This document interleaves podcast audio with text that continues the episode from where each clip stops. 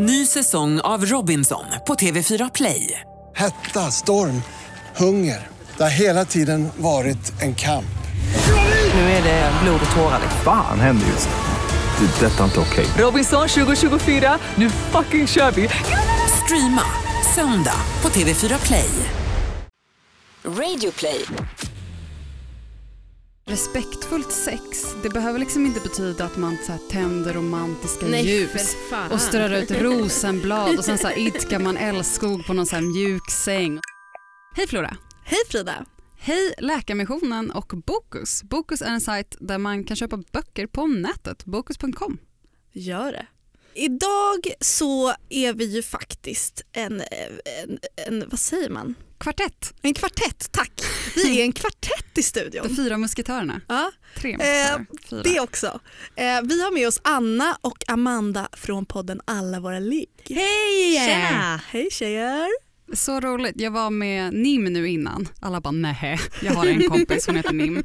Eh, och då var jag med henne och jag bara, jag är så himla peppad, jag och Flora ska snart iväg och podda, vi ska podda med alla våra ligg. Nim bara, va? Alla era ligg? Jag bara, ja. Hon bara, ska ni ha alla på länk? Jag bara, nej de kommer vara Matthew, där. Han bara, Andreas, både Matthew Felix, och Andreas och Felix. Jag bara, nej, alltså inte alla ligg jag och Floran ever har haft. Utan podden alla våra ligg. Var lite större studio kanske. Det var Sjukt ett fantastiskt obekvämt. avsnitt annars, tror jag. För vem? Ja, det är sant. Kanske för Om det är bra stämning så ja, magiskt. men, men det är ju kul för att alla våra ligg, det finns ju liksom en myt kring det och det, det är, jag har också förstått att många som lyssnar på vår podd lyssnar på alla våra ligg för då har man kanske en dragning till att lyssna om eh, sex. Tjejer som pratar om sina könsorgan på Exakt. ett frigjort sätt. Ehm, och eh, det var väldigt kul för att vi stod, vi möttes här utanför poddstudion och sen så ser jag Anna och bara men herregud vi har ju jobbat tillsammans och det var så kul bara va? För att man har, man har hört den här myten. Eller Bara hört rösterna. Ja, och jag visste ju vem du var. Ja. Ja, men jag, jag är lite mystisk på det sättet. Ja men det känns härligt. Eh, vad ska vi prata om idag Frida? Jo, eh, fnitter, fnitter, vi ska prata om att gå över gränser med sex.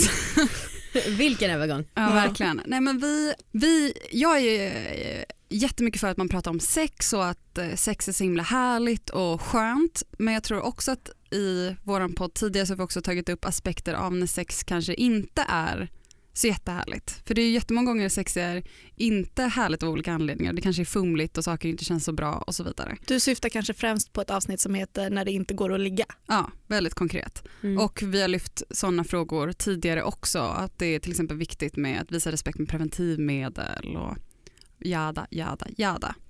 Eh, så i det här avsnittet ska vi prata om ja, samtycke Ja, och gråzoner och kanske man kanske känner igen känslan av att någonting kanske inte är liksom 100% en våldtäkt, man på väg hem, någon hoppar fram bakom en buske. Men jag tror att väldigt många kan relatera till känslan av att man kanske haft sex eller varit intim på något sätt med en person och sen så har det bara inte varit bra.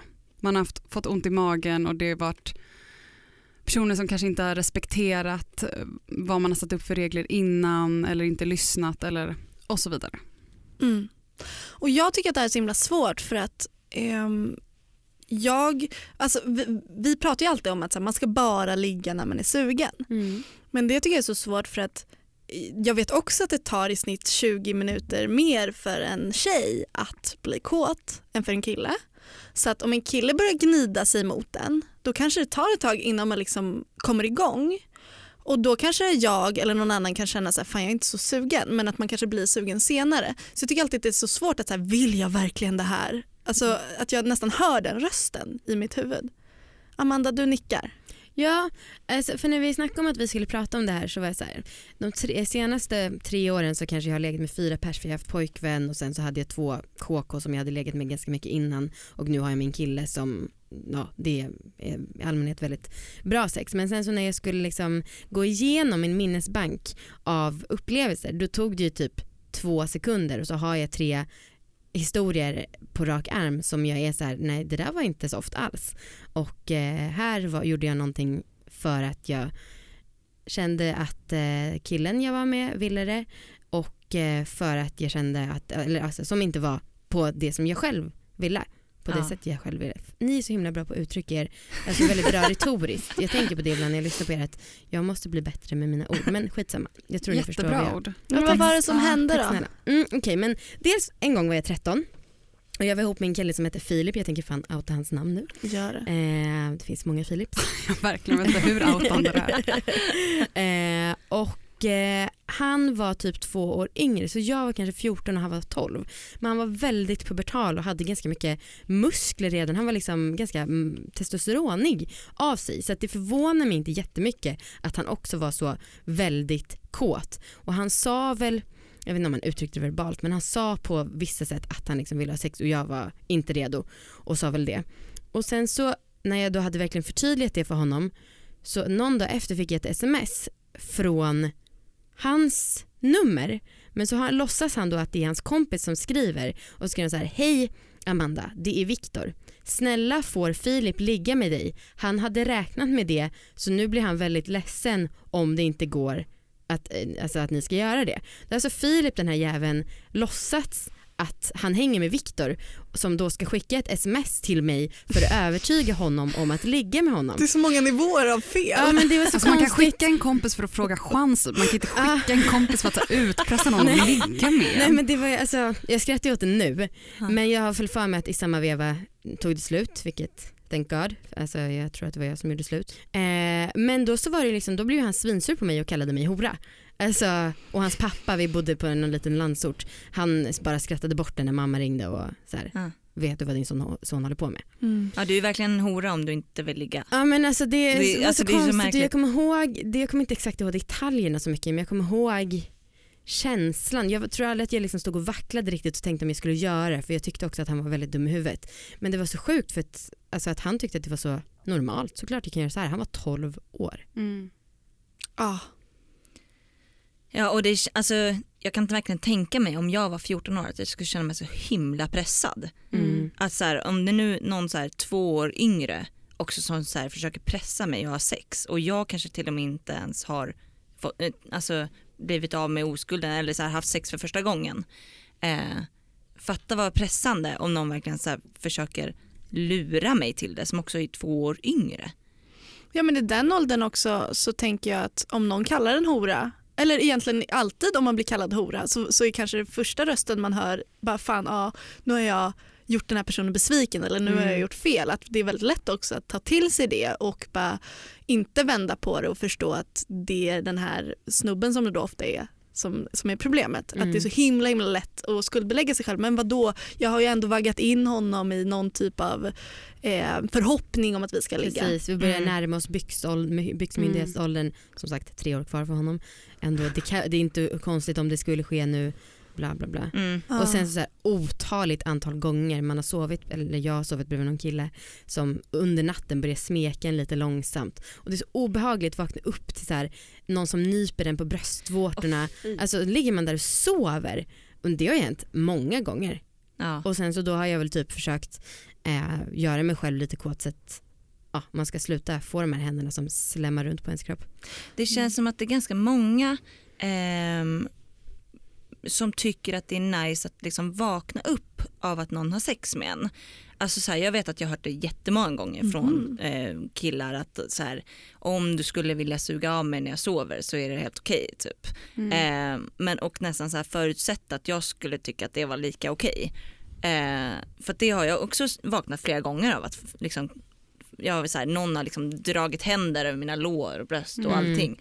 Eh, och man var så här, vad håller du på med? Jag, och speciellt så här, ska du, du får absolut inte gå ner och slicka mig när jag sover. Och så fruktansvärt inte- blottande situationer. Man är Ja. så här nyvaken, det är natt, det är mörkt, man är antagligen bara de två personerna där. Nej, hemskt. Mm. Men det är ju en sak om man, om man kanske har en, en relation eller någon typ, av, ja, men någon typ av relation med en person och man har uttryckt att så här, jag skulle tycka att det var nice att vakna upp av att du tog på mig och man kanske tycker att det känns spännande. Då är det någonting ändå man har avtalat och, och pratat om.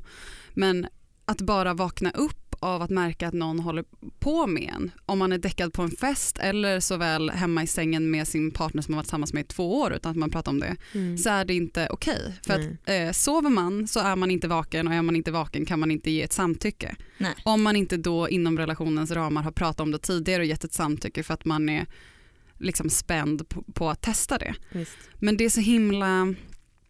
Eh, jag... Eh, när jag var yngre så eh, träffade jag en, en kille. Det var en av de första killarna jag hade en eh, sexuell relation med. Och Han var något år äldre och det var ganska eh, spännande och vi sågs och vi, och vi låg med varandra. Det här är en sån grej som jag har tänkt på väldigt mycket i efterhand nu.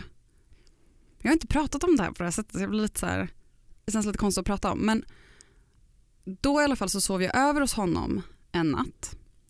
Och under den natten så vaknar jag av att han har sina fingrar i mig. Eh, och, liksom, och, och tar på mig. Eh, och då vaknar jag och känner det och blir så himla eh, obekväm för att jag vet inte vad jag ska göra för jag tänker så här, han vet, eller han vet ju att jag sover och nu händer det här och hur ska jag konfrontera, ska jag vara vakna och göra så här, Just det, gör han det här för att han tänker att du sover och han Åh, ska komma Gud, undan med ja, men han, han, han, tänk, han tänkte ju absolut att jag sov Mm. för det var liksom mitt i natten vi hade somnat och så vaknade jag och då blev jag så himla obekväm och osäker och var så här, men nu om det här hade hänt idag så kan jag vara väldigt trygg med att jag vet att så här, men det här är inte okej. Ja. Bara för att vi har haft sex fyra timmar innan betyder inte att du kan ha sex med mig när jag sover. Men då när jag är liksom inte alls så gammal och liksom bland de första gångerna sex och man kanske inte riktigt har klart för sig vad, vad man kan sätta för regler för sig själv och vad som är okej och inte. Mm. Då blev jag bara väldigt osäker och obekväm och sen så låtsades jag att jag sov och sen så eh, ligger han med mig.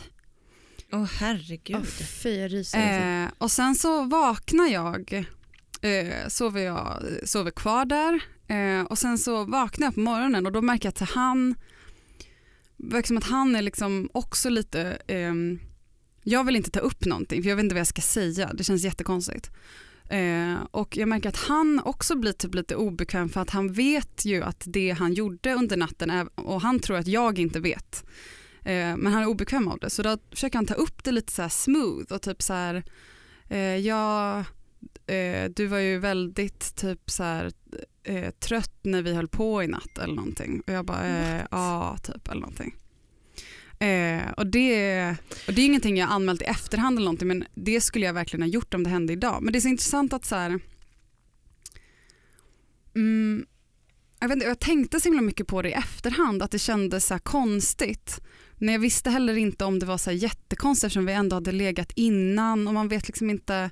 Och då tänkte du att du lite hade skrivit under någon typ Ja av lite kontrakt? typ så här, om- jag kände typ så här, men vi hade haft sex innan och jag åkte hem till honom Mm. och då är väl vi två som har sex och då har väl vi Mm. sex typ. Mm. Och Alltså, det är ju så himla skevt. om det här? Alltså jag har ju pratat med det med typ så här partners och så. Ja.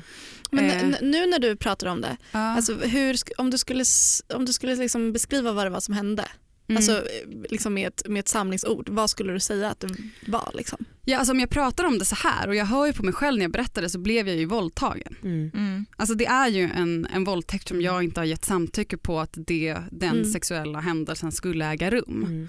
Men samtidigt så blir det så speciellt när man pratar om det själv så här att jag ehm, jag själv tycker det är väldigt jobbigt att ta det ordet i munnen. Det, har Mm. blivit, det har ju en väldig kraft. Mm. Ja, jag Mm. tycker att det känns jättejobbigt att, att säga typ så här, jag har blivit våldtagen Mm. eller så här, det var en våldtäkt. Alltså jag har väldigt svårt, det är väldigt svårt att själv typ så här, för man har själv en bild av så här, hur ser en våldtäkt ut? Vem är det som blir våldtagen? Vem är det som våldtar? Mm. Och det här var liksom en person jag hade en relation med som jag inte, så här, så här, trevlig, härlig, artig kille Mm. liksom. Mm. Ehm, ja, Nej men det, det är ju väldigt intressant just med ordet våldtäkt för att eh, man håller ju på att jobba med ett nytt lagförslag som ska, så att, så att det helt enkelt ska krävas ett samtycke, att man ska säga ja istället för nej. Mm. Så det man har valt att göra är att, att ändra ordet våldtäkt till sexuella övergrepp. Mm. Just för att det som du säger Frida, att ingen i princip kan relatera till ordet våldtäkt. Nej. Det är så många som har varit med om sexuella övergrepp på olika nivåer. Som inte liksom säger nej nej nej men gud det var inte det som hände, jag var full eller nej nej nej Mm. jag var ung. Ja. Även våldtäktsmän har svårt att relatera till, nej men jag är ingen våldtäktsman. Mm. Hon sa ju ja några timmar tidigare. Ja och ordet Mm. Våldtäktsman, det går, exakt, det går liksom inte att relatera till. Däremot att, kan man förstå att man har klivit över en gräns rent Mm. sexuellt. Man kan förstå tror jag Mm. att man har gjort ett övergrepp eller ett övertramp. Så det, det känns väldigt rimligt tycker jag att man har valt att så här, ändra ordet våldtäkt till sexuella övergrepp. Mm. Jag tycker att det är så eh, spännande med språk. Jag vet inte om ni kommer ihåg, eller orden för det, kommer ni ihåg prata om det? Som var en hashtag Ja. 2013. Ja just det. Och det var en hashtag som startades där olika kvinnor berättade om eh, olika upplevelser av sexuella övergrepp och kanske framför allt som man sa inom citationstecken alltså sexuella gråzoner.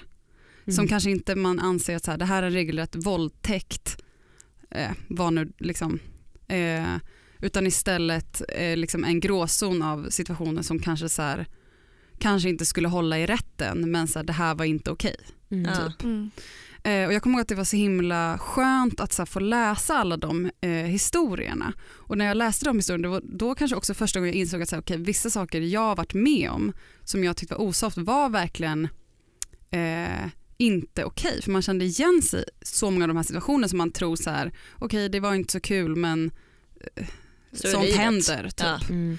Eh, men samtidigt så och då sänker man på något sätt eh, en tröskel av att så här, nu pratar vi om eh, en gråzon, inte en våldtäkt. Mm. Och det är enklare för folk att kanske prata om det. För det är kanske svårare att säga bara så här, hej jag har blivit våldtagen för att det är så otroligt stigmatiserat. Mm. Men samtidigt så är det också svårt om man bara ska prata om eh, gråzoner. Mm. Typ så här, det här är en gråzon, det där är inte en riktig våldtäkt, det där är Mm. inte en riktig våldtäktsman, det där är inte ett riktigt offer. Och att det kan vara farligt med det språket, att inte liksom kalla det för Ja, och i kanske det här, vad det är. För då blir det lätt bara så här, ja men han var, han var bara lite för påstridig. Eller att det blir så ursäktande, så här, det är bara en gråzon, man vet ju inte riktigt. ja. Typ.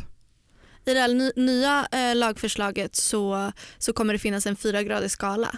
Men det som är intressant också med hur lagen ser ut idag är att det är ju en lag som är skriven av män Mm. ehm, och eh, talar helt till mäns eh, fördel. Och vi kan säga män för att det är liksom till största del män som våldtar. Det är 97% män som anklagas för, eh, eller som ja, är med i brottsmål där det handlar om olika sexuella övergrepp. Ja. Jag känner att jag så sitter och blir helt tyst och typ, jag ser som helt kall. För att när du berättar om det här Frida så jag, inser så här, jag tänker typ att det här är så långt ifrån mig. Eh, bara för att jag har haft det ganska problema, eh, problem, oproblematiskt de senaste två, tre åren. Men sen så bara inser jag att alltså, gud det här är så himla mångas vardag och det har varit det även för mig och det är så vanligt och som ni säger det här med att liksom, ingen kommer säga så här "Ja, min kille är en våldtäktsman. Eh, och Mm. man vill ju inte heller så att säga måla ut folk på det sättet. Mm. Citationstecken. Jag vet inte vad jag vill komma med, jag bara kände hur jag blev så här, alltså det var som att jag fick en käftsmäll för jag blev så himla ledsen för det. Mm. Här. Ja men samma här och att man kanske inte tänker på så jävla många gånger som det här har hänt än. Ja men för att, för att man känner igen, det är klart att jag kan dra tio stories bara så här rakt av Mm. på när jag har blivit sexuellt ofredad. Mm. Helt klart, Vill inga du problem. berätta om någon? Ehm, nej men jag kommer ihåg eh, en gång när jag och Amanda skulle åka på en resa ihop och vi skulle åka snowboard ihop. Och då så hade vi en eh, snowboardlärare som, ehm, som liksom hängde med mig hem. Efter, liksom, för vi, Vi hade ihop. varit ute. Ja precis, vi delade stu- stuga. Ehm, och när vi gick och la oss så eh, ville jag verkligen inte ha sex för att han var så här, men min, min farmor är hemma hos mig så att jag kan inte sova hemma, kan jag få sova hos, hos dig? Och då kommer jag verkligen ihåg att han tjatade i kanske en timme och jag till slut så här, okej fine du får sova hos mig men det blir inget av att ligga, det vill jag verkligen inte. Och så kom vi hem och la oss och han tjatade ännu ännu mer och Amanda tror jag sov eller försökte sova. Mm. Ehm, och eh, till slut så verkligen så här somnade vi. Ehm, och jag vaknade upp på natten av att han ligger och runkar eh, bredvid mig, precis bredvid mig och precis bredvid Amanda. Och jag var så här, men alltså det är verkligen inte okej och jag känner verkligen hur jag visste liksom inte hur jag skulle ta det. För det var också en så här gråzon för att han, han är bara med sig själv, han är inte med mig. Eh, han rör mig inte men jag har sagt att jag vill inte ha någonting sexuellt med honom. Eh, och han ligger liksom typ en centimeter ifrån mig och ligger och runkar. Alltså det är som att han typ är en blottare i det där, Ja. i det där Det är så himla inte okej är en närvaro. Om det är så att han är så här skitkåt och måste runka, Gå in på gå toaletten. in på toaletten eller gå någon annanstans. Alltså det är ju också att så här, han vill ju runka nära dig eller er för att han tycker att det är nice att det ligger två tjejer och sover bredvid honom. Ja. Alltså ni blir ju en del av den sexuella upplevelsen för honom som ni har varit tydliga med att ni inte vill vara en del av. Ja. Mm. Nej men då, då kommer jag verkligen ihåg, jag var så här, hur, vad, vad gör jag liksom? Eh, men då, då vaknade jag och typ sprang in på toaletten och bara så här, gud jag har panik liksom, vad fan ska jag göra? Ehm, ja och sen blev det ju skitkonstigt och jag vägrade ju liksom träffa honom och ja. Så himla rimligt. ja Tror du att han förstod vad han hade gjort? Liksom? Nej, jag vet inte men alltså jag tänker bara så här, jag hade ju aldrig någonsin gjort detsamma så att någonting var ju skevt i hans uppfattning. Ehm, och jag vet att jag träffade på honom senare, typ några år senare, för kanske två år sedan eller något. Ehm, och att han då var så här, hej! När jag var på en fest och han liksom såg mig typ. Man bara, men skäms. Ja. Har du inte vett att skämmas? Ja, nej, usch. Och det var verkligen sån gråzon. Jag skulle aldrig liksom, då var det verkligen uteslutet att jag skulle aldrig anmäla honom för det för att han har inte gjort mig någonting. Liksom, Nej, det där tror sätt. jag även med dagens lagstiftning skulle klassas som alltså Ja. att han skulle kunna bli straffad för det. Men jag förstår verkligen att det är Ja men man så tänker på svårt så att veta hur hur, man ska reagera. hur många våldtäkter som händer Mm. och det blir inget av det. Nej. Och jag, tror att jag så här, vad är även här? nu i dagens läge, jag är 28, hade haft svårt att veta hur jag skulle reagera. För även om, alltså första instinkten är ju så här genom en käftsmäll och så här, okej om du var där då också så att jag var inte, alltså att jag, så att jag inte var ensam, då hade det, jag lätt gjort det. Hade jag varit ensam med honom, då vet jag fan för jag hade varit rädd också vad han Ja. skulle göra då. Ja. Mm. Ja, och det som är, det som är intressant är också så att eh, man har gjort en undersökning på folk som har varit med om sexuella övergrepp och det är jättemånga, eh, sju av tio som säger att de eh, reagerar på ett sätt som kallas frozen fright. Alltså att man, alltså man blir så chockad och rädd att man, inte, att man blir apatisk Mm. eller man kan inte göra motstånd. Och det, nu var inte det här en sån situation Nej. men, men många har liksom Många kan inte fysiskt ens visa att de inte vill det här. Och lagstiftningen ser ut så att så här, för att bli dömd så måste man ju också säga bara nej rör mig inte. Och typ slåss och sparkas. Ja, liksom. så Man måste ha sovit, varit medvetslös, väldigt berusad, inlåst eller inom citattecken allvarligt rädd. Och är man helt chockad då kan man inte heller visa det. Liksom. Nej. Så att det är därför den här samtyckeslagen nu är, man har lagt fram lagförslaget eh, och det är därför det är så jävla jävla viktigt just att man ska få ett ja. Ja, jag vill det här snarare än ett nej. Att det, är så himla, det låter så himla självklart när man pratar om det. Ja. Liksom. Men jag blir så Ja. himla less på typ Nej, men jag blir så himla trött på, på um, alltid när det pratas, pratas om samtycke och sådär så blir alltid killar så himla stötta och bara vadå måste det krävas ett så här hundrasidigt kontrakt som båda parter skriver på för att man ska kunna knulla typ ett gammalt hederligt knull kan man bara göra. Eh, och man bara men det handlar inte om så här, är du så helt inkompetent med att kommunicera med en annan människa? Tror du att du behöver skriva ett hundrasidigt kontrakt för att du så inte kan se någon i ögonen? Om du tror att du inte kan kommunicera med en annan person och få klart om den verkligen vill utan att ha så ett juridiskt kontrakt med dig, Mm. då, då får du faktiskt inte ha sex. Nej, då ska inte du då kan inte du kommunicera på ett, så här, på ett ordentligt sätt.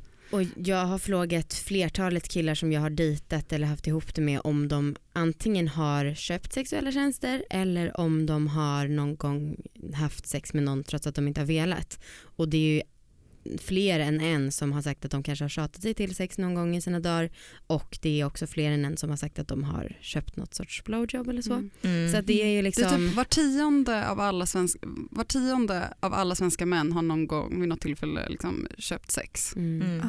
Men, ja, men jag tycker ofta så här att det, eh, man kan ibland, när jag har frågat liksom, eh, killar om sådana här situationer, om de har liksom, gjort något någon gång, eh, ofredat någon eller så, så får jag ofta svaret tillbaka Ja fast när jag var ute en gång då, fick, då var en tjej på mig och gjorde det här och det här. Ja, och då, det blir plötsligt, alltså det blir direkt en försvarsställning. Mm. Eh, och så blir jag så här, ja, ja okej, ja, du, har varit, du har väl varit med om det också och det är såklart ska man ta det på allvar också men jag, jag tycker det är så himla svårt att prata om för att alla går till försvarsställning. Och det som är så svårt i det här också är att jag tror att många tänker på sin relation om man är i en relation och så tänker man så här, nej men vadå vi har ju bara sex som, som båda vill. Men att, att det är så jävla svårt att så här, se vad man verkligen vill och vad man gör för, en and, för sin partners skull. Jag kan tycka det än idag. Liksom, om man typ, ett vanligt scenario skulle kunna vara så här att man är typ trött och man bara, nej men jag pallar inte men vi kan ligga imorgon bitti. Mm. Har, ni, har ni gjort den grejen? Typ, så här? Nej, men vi kan, li- eller vi ligger ikväll. Så här köpslån. Det är Ja, så men himla konstigt att man så. ens gör det. Ja det är konstigt men ibland säger man så här, nej, men vi, vi kommer ligga snart men inte just nu. Eh, och sen så blir det morgon och så är man inte sugen. Ja. Och att man känner att man lite har skrivit på ett kontrakt att det här ska ske. Mm. Eh, och att jag liksom har, jag så här dealar lite med mig själv att det är så här, när har jag sex för att jag verkligen vill och när har jag sex för att eh, min sexpartner vill det. Mm.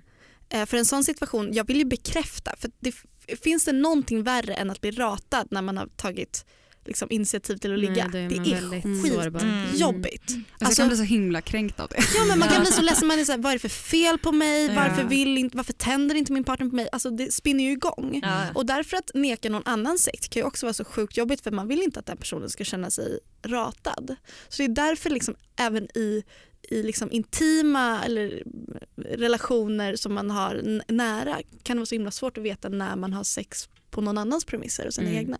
Ja, sen tycker jag att det är också svårt så här, alltså det är en sak om man går in i sex som man så här, vill jag det här, vill jag det här inte, ja. Men också att när man väl har sex med någon som man vill ha sex med, att säga stopp för grejer man inte vill göra under sexet. Mm. Mm. Alltså typ så här, jag eh, har legat med så sjukt många killar som jag har så här, sugit av. Bara så här, okej men jag kanske inte vill ligga men jag kan suga av dig typ. Så det är så här Eller- kompromiss. Ja men typ. Och alla vi det. skrattar Ja, igenkännande. men det är så sjukt. Eller typ ja. så här, ja men nu ligger vi redan och det är nice och han vill komma med ansiktet, ja men gör det då. Men något jag tänker väldigt mycket på är att så här, när jag eh, var yngre och började eh, ha sex, då kände jag att så här, okay, men om man väl har börjat hångla och börjar leda in att man kanske tar på varandra, då är det lite som att har man sagt A får man säga B och så får man C. Alltså liksom att det blir A, B, C, att man har skrivit på att så här, okay, men nu har vi börjat ta på varandra så nu typ eh, ish måste vi ha sex för att det Mm. förväntas att det är nästa steg. Eh, och medan nu kanske jag eller medan de senaste åren kanske man säger okej men nu känner jag mig lite eh, sugen och så får man se hur långt det går. Det kanske är så att man tycker att det är asskönt att typ så här, ta lite på varandra, kanske gå ner lite på varandra men sen kanske man inser att så här, "Hmm, ja, men jag, ja, jag vill inte längre. Och att det är okej att avbryta. Mm. Det tog så himla obehagligt lång tid innan jag förstod att så här, bara för att man har inlett sex så är man inte skyldig den andra personen att avsluta. Om man, om, man är, om man är med en partner man tycker väldigt mycket om och man inte har något emot att ha en intim stund tillsammans även om man kanske själv känner att så här, "Hmm, jag orkar inte att du så här, är i mig nu. Men då kanske man vill ta på den andra för att man själv tycker det är mysigt och man vill kanske att den andra ska komma för att man tycker att det själv är nice. Men att man aldrig, aldrig är så här skyldig någon något avslut på det sättet. Liksom. Ja, alltså när du säger det, jag kan tycka att det känns obehagligt bara tanken på att säga det, för min första eh, eh, reaktion blir så här, hur säger du det då? då? Alltså apropå den värsta känslan som finns att bli rejectad när man tar initiativ till sex, Mm. skulle det vara ännu värre, tänker jag, att mitt under bara, äh, vill inte mer. Ja, jag gör det så ofta. Eller ibland kan jag tycka att det är så här, jätteskönt med sex om man inleder det. Men så kan jag känna efter ett tag, kanske till exempel om man har penetrerande sex, Mm. att ibland kanske det blir så här om man håller på ganska länge exempelvis, då kanske ett tag, kanske första övningen kanske är så här jätteskönt. Men så kanske man känner en gång att så här, ja, men jag kan inte riktigt komma idag. Så att det är inte eh, så jätteskönt. Och då brukar jag säga typ så här, ja, eh, ja, typ så här, det, jag är lite öm nu eller sådär men jag tar jättegärna på dig. Typ. Och så Mm. brukar inte det vara en big deal. Mm. Och det tycker jag är så viktigt att ändå, och då kan man ha ett samtal med sin partner om det efteråt så att det inte blir några missförstånd. Men det är bara så många gånger som jag tidigare i mitt sexliv har liksom legat där i sängen, så här, tittat upp i taket och typ så här börjat räkna takplattor för att man väntar på att killen bara ska komma. Mm. Och det, och, man typ stönar lite högre, putar ja, precis, lite man bara så här, försöker hjälpa honom att komma genom att försöka Mm. så här, uh, uh, uh, typ för att man bara kom då för helvete. eh, och, och jag pallar inte det längre. Nej. Sen kan man göra det någon gång i, ibland om man, om man gillar den personen och ändå så här, men det känns okej. liksom. Men man ska aldrig... Det är så himla viktigt också, både så här rent fysiskt, alltså om man inte är kåt, och så här, alltså det kan skada slemhinnorna så att man får vestibulit och så vidare. Och det är Mm. inte värt det bara för att man är rädd att kanske Mm. såra en, en partner. Nej, men jag tänker också på det som, som jag sa tidigare, men att,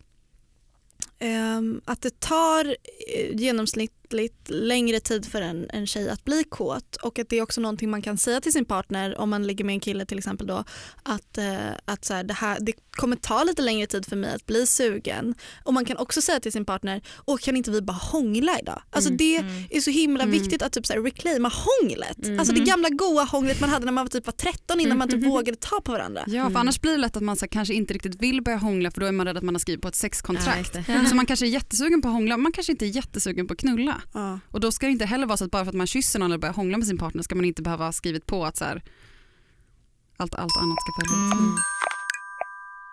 Läkarmissionen har just nu en gåvoshop som är perfekt om man till exempel ska köpa en studentpresent.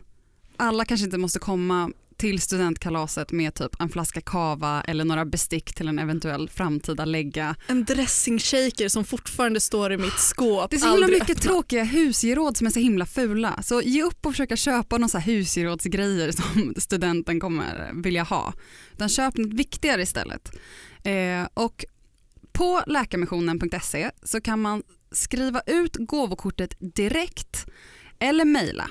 Så det är en jättesnabb present som kommer till användning en- på riktigt. Ja det är en sån här perfekt akutpresent. När man bara äh, jag glömde köpa en dressingshaker. Då kan man bara Ja, okej, om vi ska klicka vara helt någonting. ärliga så är det ju jättebra sista minuten-present. Och eh, ett förslag på en sån här gåva det är en trädplantering i Sydsudan. Eh, och det är billigt också. 50 spänn eh, så ger du bort 10 plantor av en snabbväxande sort. Och det ger familjer i generationer framåt virke, ved och frukt. Och eh, hjälper klimatet. Och då kan man ju till exempel typ köpa en planta och sticka ner det här kortet i Mm. det. Det vore ju fint. Jättefint. Tack läkarmissionen.se. Det finns ett jättebra klipp som handlar om consent, alltså samtycke, Mm. som heter T-consent. Eh, som man kan söka på Youtube. Eh, och titeln är då Consent, it's simple as tea. Vi kan även länka det här på våra bl- bloggar. If you're still struggling with consent, just imagine instead of initiating sex, you're making them a cup of tea. You say, hey, would you like a cup of tea? And they go, oh my God, fuck yes, I would fucking love a cup of tea. Thank you. then you know they want a cup of tea. If you say, hey, would you like a cup of tea? And they're like, uh, you know, I'm not really sure. Uh, then you could make them a cup of tea or not, but be aware they might not drink it. And if they don't drink it, then, and this is the important part, don't make them drink it. Just because you made it doesn't mean you are entitled to watch them drink it. and if they say no thank you, then don't make them tea at all. Just don't make them tea. Don't make them drink tea. Don't get annoyed at them for not wanting tea. They just don't want tea, okay? They might say, yes, please. That's kind of you. And then when the tea arrives, they actually don't want the tea at all. Mm-hmm. Sure, that's kind of annoying as you've gone to all the effort of making the tea, but they remain under no obligation to drink the tea. They did want tea, now they don't. Some people change their mind in the time that it takes to boil the kettle, brew the tea, and, and it's okay for people to change their mind. And you are still not entitled to watch them drink it. And if they're unconscious, don't make them tea. Unconscious people don't want tea. Oh, and they can't answer the question, do you want tea? Because they're unconscious. Okay, maybe they were conscious when you asked them if they wanted tea. And they said yes. But in the time it took you to boil the kettle, brew the tea, and add the milk, they are now unconscious. You should just put the tea down. Make sure the unconscious person is safe. And this is the important part again. Don't make them drink the tea. If you can understand how completely ludicrous it is to force people to have tea when they don't want tea, and you're able to understand when people don't want tea, then how hard is it to understand it when it comes to sex? Jag tycker att det är så bra. Wow. Den är är så bra. Ja verkligen. Och, och jag får också en klump i magen för att det blir så tydligt. Ja. Ja, Eh, Det är så lätt. Ah. Fast det är så svårt tydligen i praktiken. ja. Ja. Är det någon av er som vill prata om typ hur det känns att prata om det här? För att nu har vi bara pratat om vad som har hänt. Vill, man, Mm. prata, vill man grotta ner sig i hur det känns? Jag tänker alltså på ditt specifika, din specifika Ja. händelse. Liksom. Nej jag vet inte, jag tror att det, det känns liksom som att det känns in, inget speciellt tycker jag. Jag tycker att det känns som att så här, det här har hänt någon annan och det här är bara en av tusen miljontals gånger som det här händer folk. Eh, så jag tycker mer att det det ligger liksom ingen tyngd i det och det är väl också kanske därför att det händer alltså, så ofta och man liksom tycker att ja, men det här är väl ingen big deal. Mm. Det har ju inte egentligen hänt någonting. Så jag tror mer att det borde egentligen kännas mer. Och det borde vara mer tyngd i det. Men jag tycker det är skitsvårt att känna det. Liksom. Mm. Du då Frida? Mm. Alltså jag tycker att det är ganska jobbigt och lite sorgligt att prata om det för jag vet att det är så himla, himla vanligt. Och om jag pratar med mina tjejkompisar, alltså jag, vet, jag vet hur många som helst som har liksom, eh, verkligen alltså blivit våldtagna och anmält det, alltså verkligen stora grejer till alla små grejer, att man är ute på krogen eller man träffar något ragg och det, alltså det gör mig så himla himla ledsen att det här liksom är eh, ja, i princip eh, vardag Mm.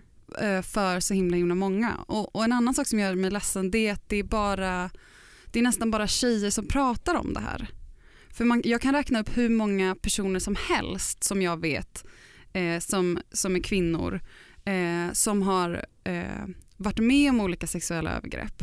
Men jag känner också jättemånga killar. Jag har jättemånga killar och män i min närhet. Eh, och jag vet att så här, statistiskt sett av alla killar och män jag känner så är det ganska troligt att eh, ganska många av de här eh, har gjort saker som inte är okej.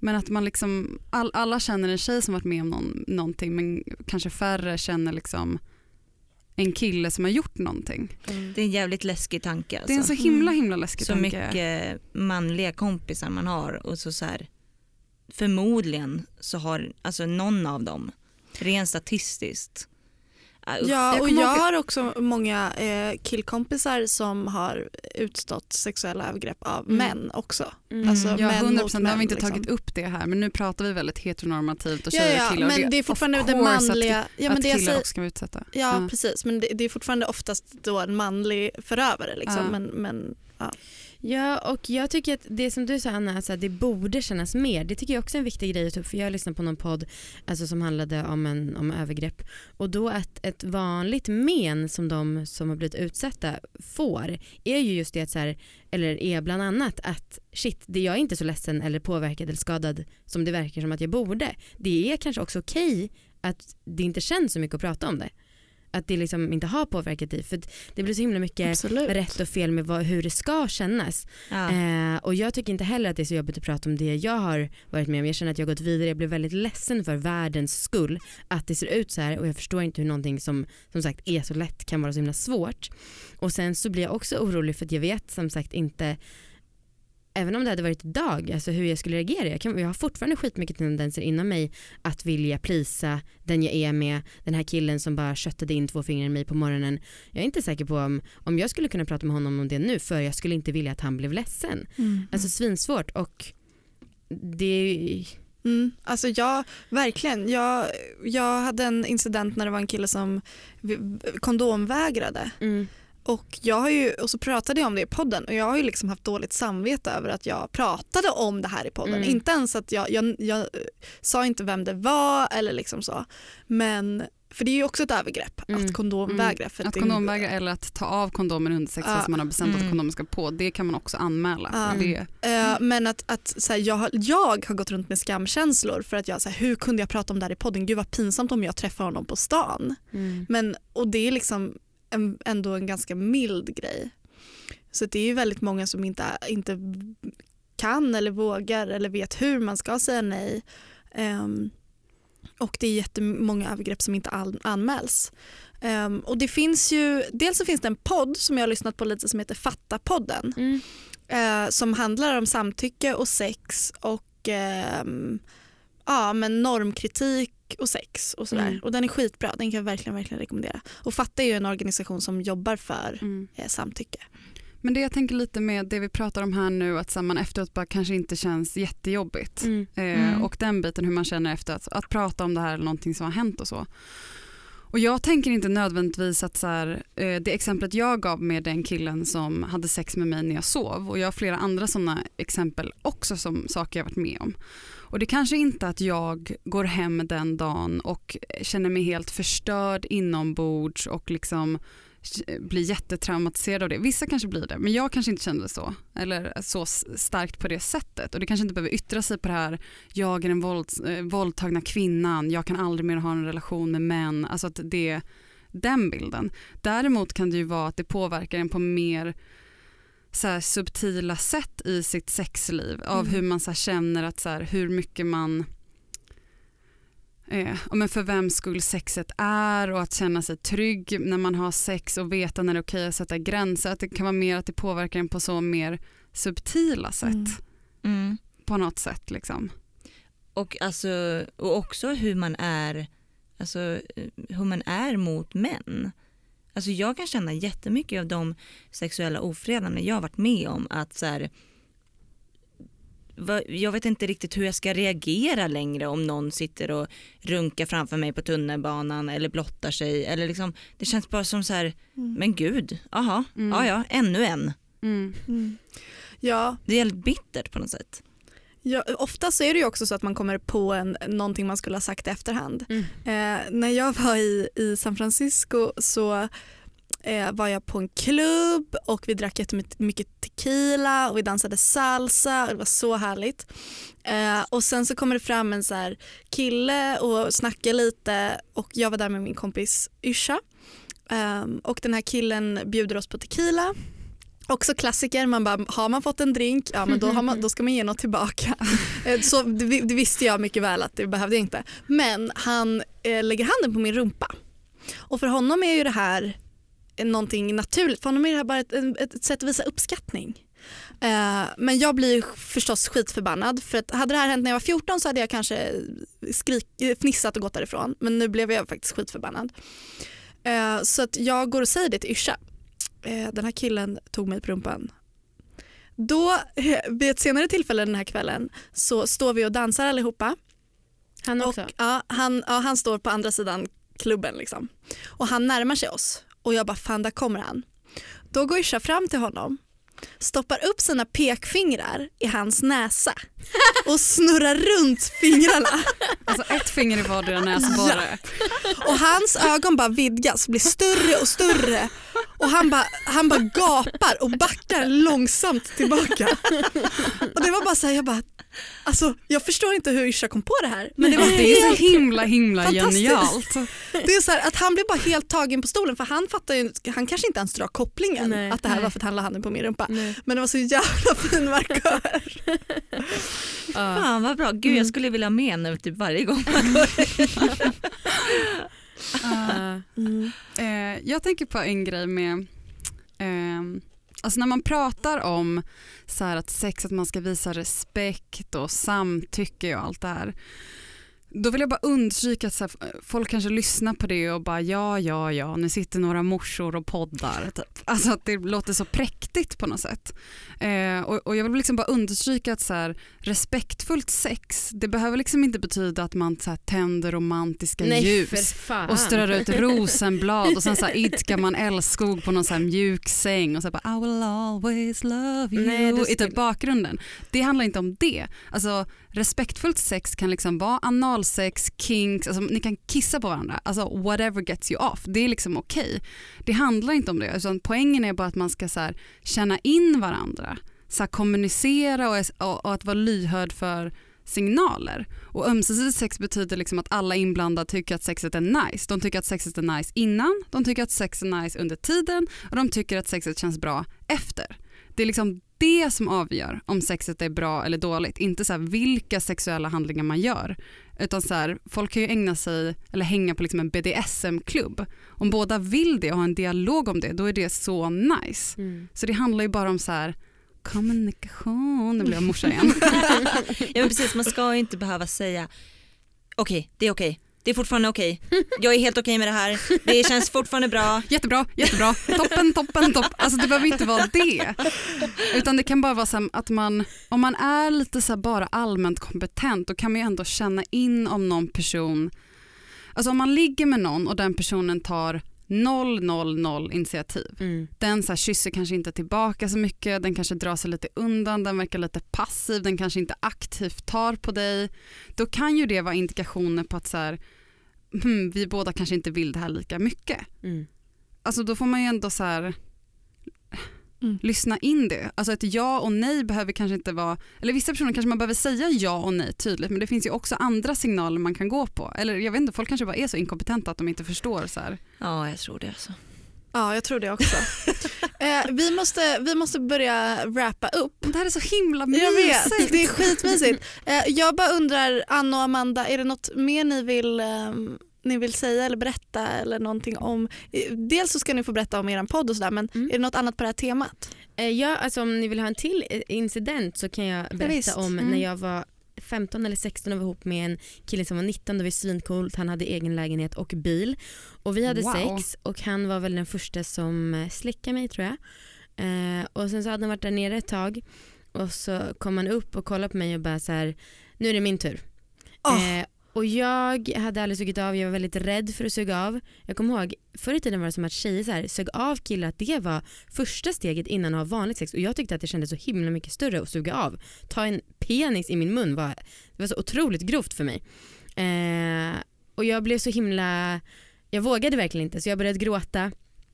Eh, och vi hade nog ett, ganska, alltså ett helt okej bra samtal med tanke på vår ålder. Men den rädslan och jag är så himla glad att jag inte gjorde det för då tror jag att jag hade blivit rädd för kukar för en längre tid framöver. Men just det, nu är det min tur, jag var så himla rädd för kuken och jag trodde liksom aldrig att jag skulle vilja suga av. Så att det här med att själv känna sig redo om jag ska komma någonstans, det kan man ju verkligen göra.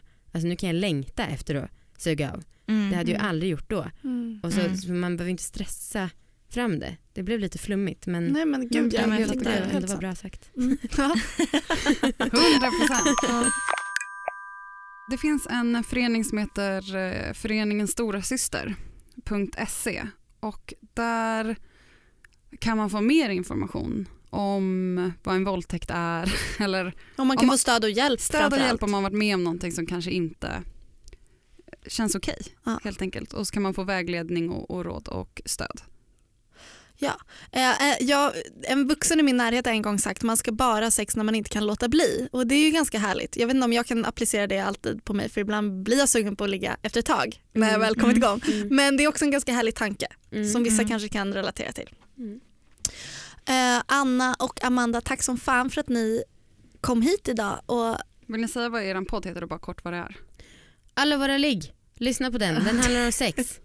Någon sa om vår podd en gång att ofta, fan nu, nu blir det som att det här blir kritik det här avsnittet, det är absolut inte så jag menar. Nej, man kan Men lite olika. Precis. Kvinnors sexualitet oftast vinklas som eh, att det är i en objektifierande eh, roll eller som offer eh, positioner och att våran podd handlar så mycket om så här kvinnlig sexualitet och lusten och det gjorde mig så himla glad.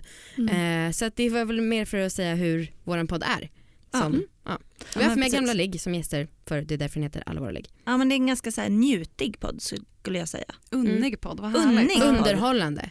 Un, Unnig tycker jag Ja. mer. Ja, Älskar det ordet, alltså Ja. för det är unnigt. Ja. Och vi har ju varit och gästat er podd i, i ett avsnitt här. Så Ni vi- kommer vara med Ah, okej. i nästa vecka.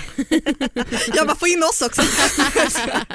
Precis, nästa vecka är ni med. Ja. Och då så pratar vi om sexting, eller då ska vi prata om sexting och, Mm. och nakenbilder och Camsex sånt. och nudes och sånt Mm. Sånt man älskar. Vi, finns, vi har en Instagram som ni har. Vi är inte riktigt lika stora som er, men sen kanske. Alla våra ligg heter Mm. vi där. Jag heter Frida Vega på Instagram Och jag heter Flora Vis. och eh, vi har hashtaggen FloraFrida. Och vi vill tacka Läkarmissionen och Bokus för att de sponsrar det här avsnittet. Gå in på gåvoshoppen och klicka hem lite träd. Kan man aldrig ha för mycket av. Som jag brukar säga. Puss puss och hej. Hej då. Hej hej. Ny säsong av Robinson på TV4 Play. Hetta, storm, hunger. Det har hela tiden varit en kamp. Nu är det blod och tårar. liksom. Fan händer just nu. Det. är Detta är inte okej. Robinson 2024, nu fucking kör vi! Streama söndag på TV4 Play.